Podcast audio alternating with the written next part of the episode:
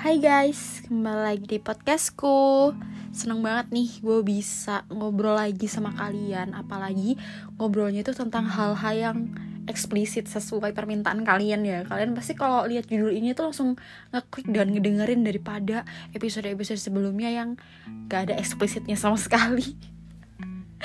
Gue gak tahu kenapa minat kalian tuh ada di hal-hal yang kayak gini Gue bingung jujur tapi nggak apa-apa sih uh, menurut gue hal-hal yang kayak gini itu ya memang tabu dan emang terlihat sangat negatif. Tapi di sisi lain kita tuh dapat pelajaran kita tuh dapat kayak pesan-pesan untuk kehidupan kita selanjutnya gitu ketika kita mendengarkan cerita-cerita yang gue bawain kali ini gitu. Jadi nggak semata-mata uh, keeksplisitan yang gue ceritain ini tuh cuman kayak hiburan doang tapi kita bisa ngambil sisi positifnya untuk diterapkan ke kehidupan kita yang lebih baik. Anjay so bijak banget gue jadi kali ini gue bakal ngebahas tentang perjalanan-perjalanan orang yang hidup di dunia malam dan juga hidup di uh, gelapnya dunia jalanan gitu Kenapa gue memilih untuk mengangkat cerita-cerita kayak gini? Karena menurut gue ini tuh sangat menarik, juga sangat uh, dapet gitu bakalan pelajarannya tuh bakalan kita dapet ketika gue ngebahas ini gitu. Selain menurut gue menarik, uh, cerita-cerita yang bakal gue ceritain ini tuh juga bikin gue speechless kayak wah ternyata ada ya kehidupan yang seperti itu.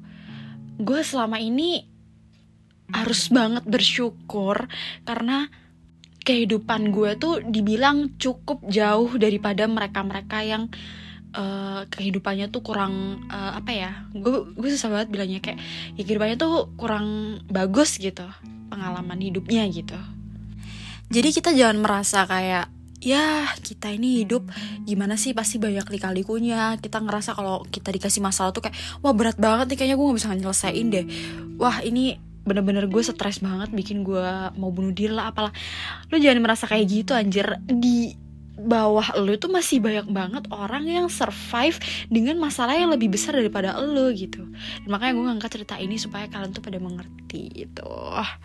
Oke nih nggak perlu lama-lama lagi gue bakalan cerita tentang salah satu kisah seseorang ini gue bakalan cerita bukan satu orang doang ya beberapa kisah orang gitu yang mereka kehidupannya di dunia malam dan di dunia jalanan. Jadi gue punya nih satu kisah ada seorang transpuan atau kalau misalnya kalian kurang tahu tuh sorry ya kayak waria bencong gitu lah. Itu dia kabur dari rumah karena ya kalian tau lah semakin besar atau semakin dewasa uh, orang yang memiliki pelencengan seksual karena dia merasa uh, dia tuh cewek tapi dia diter, uh, terperangkap di tubuh cowok itu pasti makin dewasa tuh dia makin memilih untuk menjadi cewek gitu loh. Ngerti gak sih kalian? Gue agak susah deh ngomongnya. Kayak gitu. Jadi makin lama makin kelihatan feminimnya makin makin kelihatan kalau dia sering pakai baju cewek atau pakai makeup dan lain-lain dia makin kayak menunjukkan eksistensinya sebagai cewek gitu walaupun dia berada di tubuh cowok. Dan pasti orang tuanya pasti nggak bakalan setuju dong kalau kayak gitu. Pasti kebanyakan orang-orang yang seperti itu pasti bakalan kabur dari rumah. Nah kita sebut saja namanya Mika ya jadi Mika ini memutuskan untuk kabur dari rumah karena tidak disetujui oleh orang tuanya karena dia memilih jalan menjadi seorang transgender atau transpuan. Nah, karena Mika ini uh, keluar rumahnya kabur, dia jelas nggak bawa apa-apa, dia gak bawa duit, nggak bawa uh, modal apa pun, ya cuman uh, bawa baju-baju doang dan dia merantau lah ke Jakarta. Oke, gue kasih tahu dulu nih ya perawakan Mika. Jadi Mika ini tuh anaknya uh, dibilang cowok iya cowok, tapi dia juga ada sisi ceweknya gitu loh. Maksudnya bukan sisi cewek kayak muka ceweknya tuh juga kelihatan. Kalau misalkan dia dikasih wig, dia bak lo nggak bakalan ngira kalau dia tuh cowok karena dia manis dan kelihatan cantik sih menurut gue tapi gue cuma bisa menjabarkan doang kan seperti apa dia gitu. Kan ada ada tuh kayak cowok ya emang dia beneran cowok tapi kalau dia dipakai jilbab dia tuh nggak kelihatan kayak cowok. Nah Mika itu kayak gitu. Sama kulitnya putih bersih dia tinggi langsing. Uh, pokoknya dia mirip cewek lah gitu. Kalau rambutnya nggak bondol gitu. Nah, si Mika ini datanglah tuh ke Jakarta dan dia mulai cari-cari pekerjaan. Emang agak susah ya kalau kita ngelamar pekerjaan itu nggak pakai uh, ijazah dan lain-lain sebagainya. Dan dia cuma bermodalkan uh, surat lulusan. Dia aja bahkan nggak lulus SMP, dia cuma lulusan SD doang. Dia cuma berbekal lulusan SD dia uh, keterima menjadi karyawan di restoran Padang jadi dia tuh yang bagian kayak nganter-nganterin makanannya gitu ke pelanggan. Apa sih namanya? Waiters ya? Ya ya seperti itulah. Nah umumnya nasi padang kan emang uh, jualannya kan 24 jam. Ada juga siang pagi sore dan lain-lain. Tapi uh, yang ke tempatin ini tuh 24 jam gitu. Jadi setiap malam setiap jam 4 jam 3 malam gitu tuh biasanya tuh ada beberapa sorry waria transpuan dan lain-lain yang selesai mangkal itu biasanya sering banget makan di tempat Mika kerja ini restoran Padang ini. Jadi Mika tuh sering banget ngelayanin mereka. Bahkan hampir tiap hari tuh mereka kayak makan di situ terus sampai mereka tuh kenal sama Mika sampai ak akhirnya tuh kayak akrab gitu lah. Terus Mika ditanyain kamu asal mana? gitu. Terus Mika jawab asal kota ini lah gitu. Terus mereka kayak jadi akrab dan akhirnya Mika ini kayak merasa kok gue cocok ya sama kumpulan sorry waria waria waria ini gitu. Karena Mika ngerasa dia juga seperti itu kan. Dia berperawakan cowok tapi bersifat cewek gitu. Nah pada suatu hari uh, kumpulan-kumpulan waria ini itu kayak ngerasa Mika kamu tuh sebenarnya cantik loh kalau misalkan didananin cewek. Terus Mika kayak tersipu malu gitu. Karena dia merasa ya emang dia tuh pengennya jadi cewek gitu. Terus akhirnya Mika tuh ngungkapin iya sebenarnya aku tuh pengen jadi cewek pengen pengen jadi kayak kalian gitu. Nah terus para waria-waria ini tuh kayak ah ikut kita aja ikut uh, ke kontrakan kita aja tinggal sama kita gitu. Kamu bisa bantu bantu kita kok gitu. Nanti kita kasih kerjaan gitu. Akhirnya nggak pakai lama Mika? Ini dong ikut dong mau dong. Karena dia merasa mereka tuh sejalan sama-sama perempuan tapi terjebak di dalam tubuh laki-laki gitu. Jadi akhirnya Mika ini uh, kerja di tempat para waria-waria itu sebagai uh, pembantu rumah tangga lah atau apa ya disebutnya ya? Ya kayak yang bantu-bantu gitu lah. Kayak bantu nyetrika yang cuci baju rapi-rapi dan lain-lain gitu di kos-kosan yang emang khusus para waria itu gitu. Nah semakin lama semakin lama Mika ini tumbuh menjadi orang yang emang mencontoh lingkungannya bukan mencontoh ya karena emang dia sejatinya juga uh, waria gitu. Maksudnya pengen jadi waria juga. Jadi dia tuh kayak uh, ada rasa ingin mencoba baju perempuan, makeup dan lain-lain ngikutin orang-orang yang ada di situ gitu. Terus waktu ngelihat Mika waktu make up itu cantik, para waria-waria ini tuh kayak bilang wah kamu cantik juga Mika kalau pakai wig kalau pakai makeup. Gimana kalau kamu tuh kerja ikut kita aja? Hah kerja apa lagi kak? Gitu. Terus kita nih kerjanya mangkal lumayan. Kalau misalkan mangkal itu satu hari bisa 800 ribu dan lain-lain gitu. Terus karena Mika ini polos Mika ini diajarin ya ya segimana para waria itu bekerja di malam hari gitu. Pasti kalian juga ngerti lah kayak apa. Nah, tapi itu uh, Mika ini nggak berjalan lama bekerja seperti itu bersama para waria-waria ini. Nah sebenarnya Mika udah terjun ke dunia seperti itu kayak bookingan dan lain-lain. Tapi karena dia merasa apa ya, dia tuh laku terus gitu loh karena ya mungkin umurnya dia juga masih muda dan emang kelihatan fresh ya daripada waria-waria yang lain. Dan dia tuh jadi uh, rame banget yang ngebooking dia atau yang mau memesan itu rame banget jadi mungkin dia star syndrome atau seperti apa ya ini dia meninggalkanlah tempat pangkalan itu dan dia move ke tempat yang lebih uh, agak high class lah gitu Nah, ketika dia berpindah itu, dia bertemulah dengan seorang mami-mami. Kalau kita ngomongnya apa ya? Germo gitu. Kalau sekarang ngomongnya kayak mami-mami ayam gitu. Dia nemuin lah mami-mami itu. Karena mami-mami itu tuh punya agensi yang lumayan besar. Yang, uh, apa namanya? Tamu-tamunya ini bukan sembarangan gitu loh. Kan kalau mangkal kan tamunya ya sembarangan gitu kan. Tapi kalau ikut agensi ini pelanggannya tuh bisa orang penting artis dan lain-lain gitu loh. Orang-orang kaya gitu intinya. Nah karena mami-mami ini tuh hanya menerima cewek akhirnya si Mika ini pura-pura lah tuh jadi cewek. Dan nggak kelihatan sama sekali karena si Mika ini anaknya tuh kalau udah pakai wig pakai make up itu bener-bener kelihatan kayak cewek. Jadi maminya ini kayak oh ya udah si Mika ini cewek cantik oke okay, gitu. Ya udah dia keterima jadi agensi itu. Padahal Mika ini sebenarnya adalah cowok gitu. Dan ini disandingkan dengan beberapa cewek-cewek cantik anak anak-anak sana. Dan Mika juga laku-laku aja as a woman. Jadi kayak kayak cewek biasa aja gitu nah kalian pasti bingung kan lah dia kan cowok kalau misalkan dia dapet tamu gimana? Nah kayak gini nih. Jadi Mika ketika dia dapet tamu pasti menolak untuk menyalakan lampu. Jadi ketika dia sudah berada di kamar dengan uh, pelanggannya dia dia pasti memilih untuk mematikan lampu. Pokoknya gimana pun caranya pokoknya harus main di dalam kegelapan. Karena uh, setiap ada tamu tuh dia pasti bilang oh fetish aku tuh gelap gelap gelapan karena gelap gelapan tuh lebih seru. Pokoknya dia tuh pintar banget ngeles. Dan beberapa tamu ya emang agak curiga. Cuman akhirnya ya kayak ya udah lah ya apa salahnya juga gelap gelapan yang penting kan rasanya gitu kan. Dan kalian pasti bingung kan loh kok bisa? Kan dia kan gak punya sorry nggak punya vagina gitu. Kan dia kan cowok gitu. Dan caranya gimana ya? Karena gelap gelapan itulah. Si pelanggannya ini nggak tahu kalau dimasukkan ke lubang yang berbeda. Ini pasti kelihatan gak masuk akal ya tapi ini beneran kisah nyata. Tapi pasti pelanggannya nyadar dong kalau itu uh, beda tempat atau beda lubang gitu ya nggak kerasa karena emang gimana ya udah lampu tuh mati yang penting masuk. Dan rasanya juga sama-sama sorry kejepit gitu maybe. Itu jadi kayak nggak ada rasa gitu.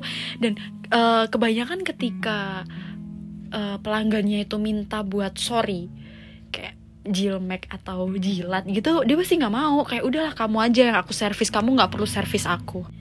Pokoknya gitu-gitu dia tuh pinter banget ngeles dan walaupun begitu walaupun cara dia ngetrit seperti itu tapi banyak banget pelanggan itu yang kayak balik lagi balik lagi balik lagi gitu. Dan dia tuh rame banget. Sampai ya namanya persaingan di dunia malam di dunia perbokingan kayak apa ya. Jadi para cewek-cewek ini kayak curiga gitu. Lah ini anak kok laku abis gitu. Kita sih pasti kayak curiga. Rahasia lo apa sih? Kalau bisa uh, tamu lu tuh sehari bisa 6, bisa 8 dan lain-lain gitu. Kalau juga kuat banget gitu dan lu tuh tiap hari tuh rame apa rahasianya gitu kan. Karena si Mika ini masih uh, merasa star syndrome dan dan dia juga udah merasa ah gue udah punya duit banyak, pelanggan gue juga uh, tiap hari balik kayak gue ngapain ngurusin uh, cabe-cabe cabe-cabean anak-anak sini gitu. Jadi dia ngerasa udah top gitu lah terus dia bilang ya rahasianya sih jangan cuma cantik doang perempuan juga harus bisa muasin harus bisa. Ngasih SP yang enak. Ya kan tau lah SP itu apa gue nggak mau nyebutin geli.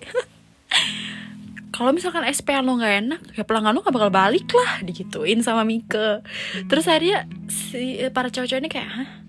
ya akhirnya sejak saat itulah para cewek-cewek itu jadi ngehit bukan ngehit ya apa ya kayak benci itu kayak apaan sih lo? Lo tuh anak baru anjir kenapa lo udah songong banget? Gitu. Intinya begitulah sampai akhirnya uh, para cewek-cewek ini tuh yang satu agensi sama dia itu uh, nyari tahu si Mika ini siapa dari mana gitu. Nah setelah mereka cari tahu mereka uh, sempet kayak ngintip-ngintip ke kamarnya dan lain-lain gitu. Namanya juga cewek ya pasti kan stalkingnya abis-abisan gitu lah mereka nemuin sesuatu di dompetnya Mika. Waktu itu emang Mika kayak naruh dompet sembarangan itulah di kamarnya. Waktu dilihat di dompetnya tuh ada kayak foto masa SD-nya dia itu. Dan kelihatan banget kalau Mika itu cowok. Kan kalau misalkan cewek kan kelihatan itu tuh bondol ya bener-bener cowok gitu. Walaupun muka Mika itu masih sama dan emang imut. Cuman ya kelihatan lah kalau misalkan foto kecil SD itu pasti kalau cowok ya kelihatan cowok gitu. Dan mereka tuh kayak yakin wah Mika ini emang beneran bukan cewek gitu. Dan gak cuma itu yang ditemukan sama cewek-cewek itu mereka juga nemuin uh, ijazah SD-nya Mika dengan nama yang dengan nama laki-laki jadi mereka kayak semakin yakin kalau emang Mika itu adalah seorang laki-laki yang berpura-pura menjadi perempuan di dalam agensi tersebut. Nah karena mereka emang ya gimana ya persaingan dunia malam emang sangat gimana gitu akhirnya para cewek-cewek ini itu uh, ngomong lah tuh atau ngaduin ke mami-maminya itu. Kalau si Mika ini cowok loh bukan cewek. Dan otomatis yang ngelanggar rules agensi tersebut dong. Kan agensi tersebut hanya menerima cewek bukan menerima cowok ataupun bencong gitu. Nah berakhirnya Mika langsung nggak pakai lama dikeluarkan dari agensi itu tanpa uh, gaji apa ya tanpa pesangon lah intinya ditendang dari agensi itu. Dan dari situ Mika tuh udah mikir aduh gimana ya kehidupan gue karena yang gue bisa tuh cuman begituan doang gue nggak ada skill apa pun. Kalau misalkan gue juga kembali jadi waiters gue udah nggak mau karena dia udah ke, udah kebiasaan makan enak tidur tempat nyaman. Masa tiba-tiba dia jadi waiters lagi dia nggak mau? Apalagi sekarang penampilannya sebagai perempuan dan terlihat seperti perempuan. Siapa yang mau menerima dia dan dijadiin dia sebagai uh, karyawan atau pekerja gitu pasti nggak akan ada perusahaan yang mau gitu. Pada akhirnya dia kembalilah tuh ke jalanan. Dia udah dia mulai mangkal-mangkal lagi tuh sama uh, waria-waria yang dulu nolongin dia. Nah ketika itu uh, para uh, senior seniornya dia sebut saja kakak siapa ya? Cica. Sebut saja Cica ya. Dia juga waria juga yang nolongin uh, Mika buat ikut dia ke kosan waria itu loh. Nah si Mika ini bilang eh salah. Si Cica ini bilang eh Mika lu tuh masih muda. Kalau lu terus-terusan mangkal di sini lu nggak bakal jadi apa-apa juga. Mending lu ikut gue deh. Kita cari peruntungan baru ke Batam dia bilang gitu. Jadilah merantau si Mika sama Cica ini ke Batam. Nah sesampainya mereka di Batam uh, si Cica ini itu kayak jadi mami-mamianya Mika yang baru gitu di Batam situ. Jadi uh, si Mika ini ditawarin ke bos-bos, ditawarin ke pendatang-pendatang baru, ditawarin ke sultan-sultan deh yang ada di sana gitu di bar atau klub yang terbesar di daerah situ gitu. Pokoknya Mika ini dijual-jualin dengan harga yang emang cukup mahal. Tapi ketika Mika rasa-rasa kok gue tiap hari banting tulang gue tiap hari uh, eh, dapat pelanggan yang kayak raya tapi kok kok duit yang gue dapat itu masih aja kurang ya. Ternyata potongan yang dipotong sama Cica ini itu banyak banget. Jadi misalkan Mika dibayar 100% gitu ya.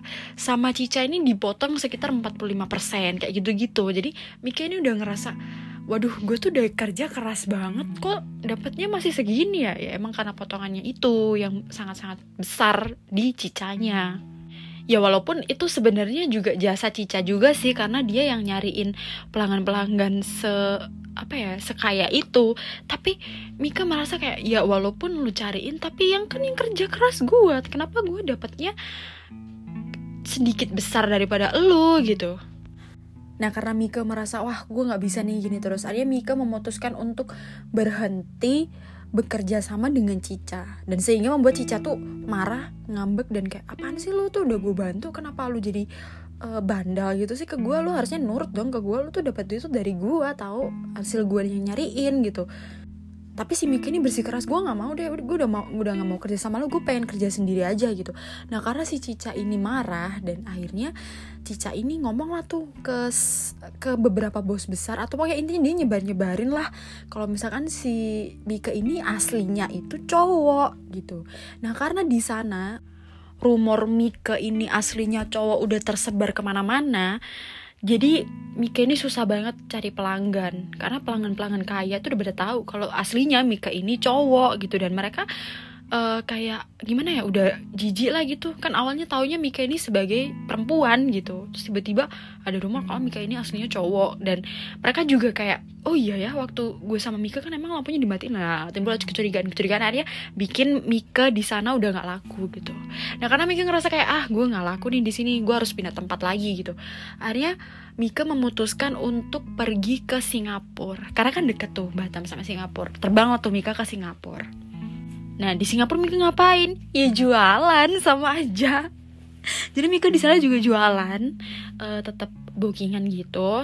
Orang orang-orang situ atau turis-turis yang lagi berkunjung ke Singapura situ dan Mika ya untungnya sih laku ya tapi karena mereka ilegal Mika tuh masuknya ilegal dia nggak pakai paspor dan apa pun Mika tuh masuknya lewat kayak kapal-kapal gitu loh yang menuju ke Singapura gitu dan dia cukup banyak pelanggan di sana apalagi duit di sana kan lebih besar ya kalau ditukarkan ke rupiah. Jadi dia dulu tuh udah udah mulai uh, apa namanya punya penghasilan yang banyak gitu. Dan sampai pada akhirnya Mika ini ketangkep lah sama polisi situ karena Mika ini kan ilegal nggak punya paspor nggak apa ya. Dan Mika ini hampir masuk ke jalur human trafficking. Human trafficking itu kayak uh, apa namanya penjualan manusia gitulah. Kayak dia tuh dijual lagi entah di luar negeri biasanya Taiwan dijual ke mana mana mana gitu. Kalau nggak dijadiin babu ya dijadiin budak seks gitu tanpa bayaran. Ya ada bayaran tapi ke mami maminya dong bukan ke dia langsung. Ini kayak jadiin budak itu kayak woman trafficking. Dan ada juga kalau woman trafficking itu kayak jual organ-organ tubuh. Kayak serem-serem gitulah black market black market gitu Nah, si Mickey itu sebenarnya udah ketangkap sama black market, black market, black market itu. Soalnya ya kalau misalkan kalian udah, misal kalian nih datang ke Singapura ilegal, ketangkep polisi. Nah, di polisi itu biasanya ada yang nebus. Nah, yang nebus-nebus ini tuh mafia-mafia yang mengambil orang-orang ilegal ini yang nggak bisa pulang ini itu uh, diakuin sebagai keluarganya dulu, terus akhirnya masuk ke dalam perangkapnya dan akhirnya dijual. Ngerti gak sih? Kalian paham gak sih? Gue ngomong ya intinya kayak gitu deh. Susah soalnya jelasinnya. Nah kayak gitu. Selama uh, Mika ini ada di dalam perangkap woman trafficking itu jadi kan banyak banget perempuan anak-anak. Aduh gue agak sedih ya ceritanya anjing. Gak, gak kuat gitu kayak banyak anak-anak uh, perempuan-perempuan muda bahkan perempuan-perempuan tua itu yang kayak dimasukin kandang gitu yang sempit abis dan dimasukin ke kapal ditutupin kayak udah lu bakalan sesak napas kalau ada di situ karena ditutupin biar nggak ada orang yang tahu dan diberangkat mau diberangkatkan ke kota-kota yang udah uh, apa ya udah booking duluan gitu entah booking buat ART atau booking buat apa mau dijual ininya itu eh, serem deh pokoknya sesuai order lah gitulah. Mau dikirim ke alamat pembeli gitu. Nah, ketika Mika ini sudah ada di perjalanan, dia kan emang e, berada dalam kapal dan di dalam kotak yang sempit itu kan kayak kandang itu kan. Nah, untungnya dia itu berhasil kabur. Entah bagaimana caranya mungkin dia congkel atau apa gue nggak tahu. Pokoknya intinya dia udah berhasil kabur lah gitu dari uh, kerangkeng itu. Nah, dia hanya mengendap-endap, dia sembunyi-sembunyi uh, di dalam kapal itu sampai akhirnya dia lolos dan balik pulang ke Indonesia. Padahal tuh dia nggak nggak nggak bawa duit nggak bawa apa tapi dia kayak ngikut-ngikut kapal gitu dan akhirnya dia sampailah ke Indonesia gitu.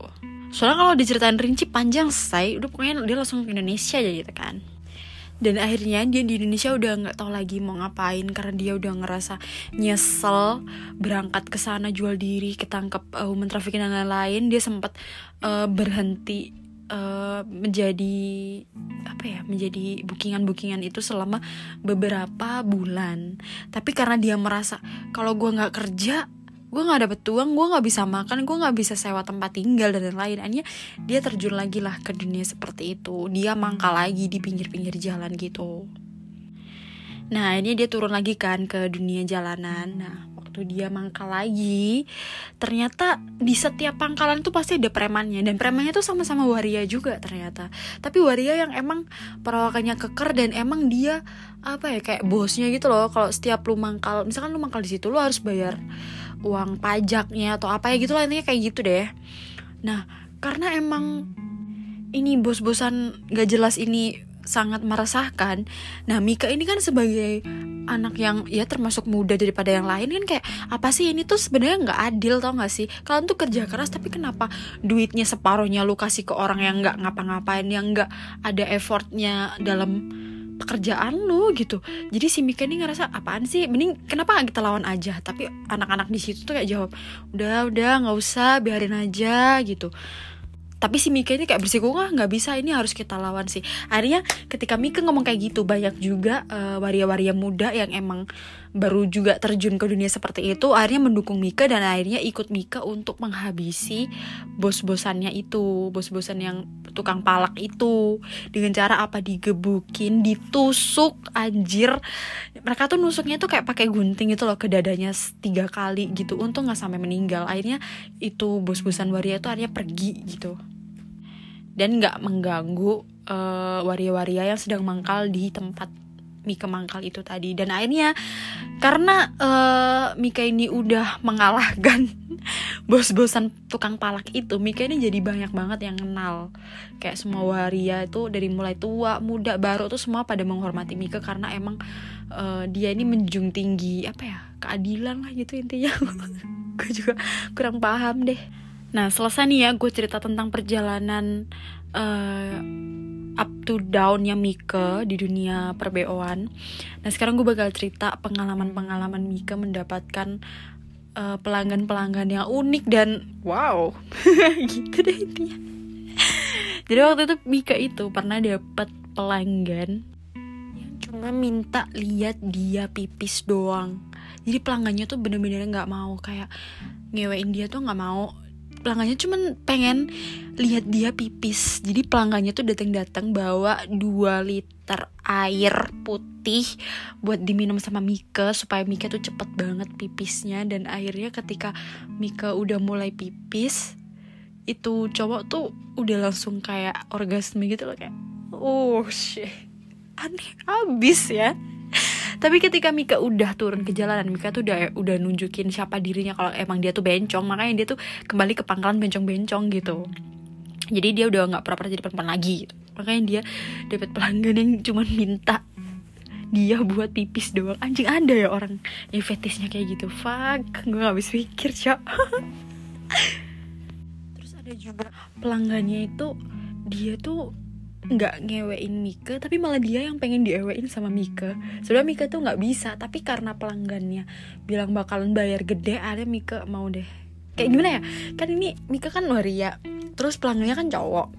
Nah si cowok ini pengen banget dimasukin sama itunya Mika paham gak sih? Kayak gitu. Jadi Mika bakal dapat bayaran gede kalau mau. Dan akhirnya ya karena Mika butuh duit ya akhirnya mau dong.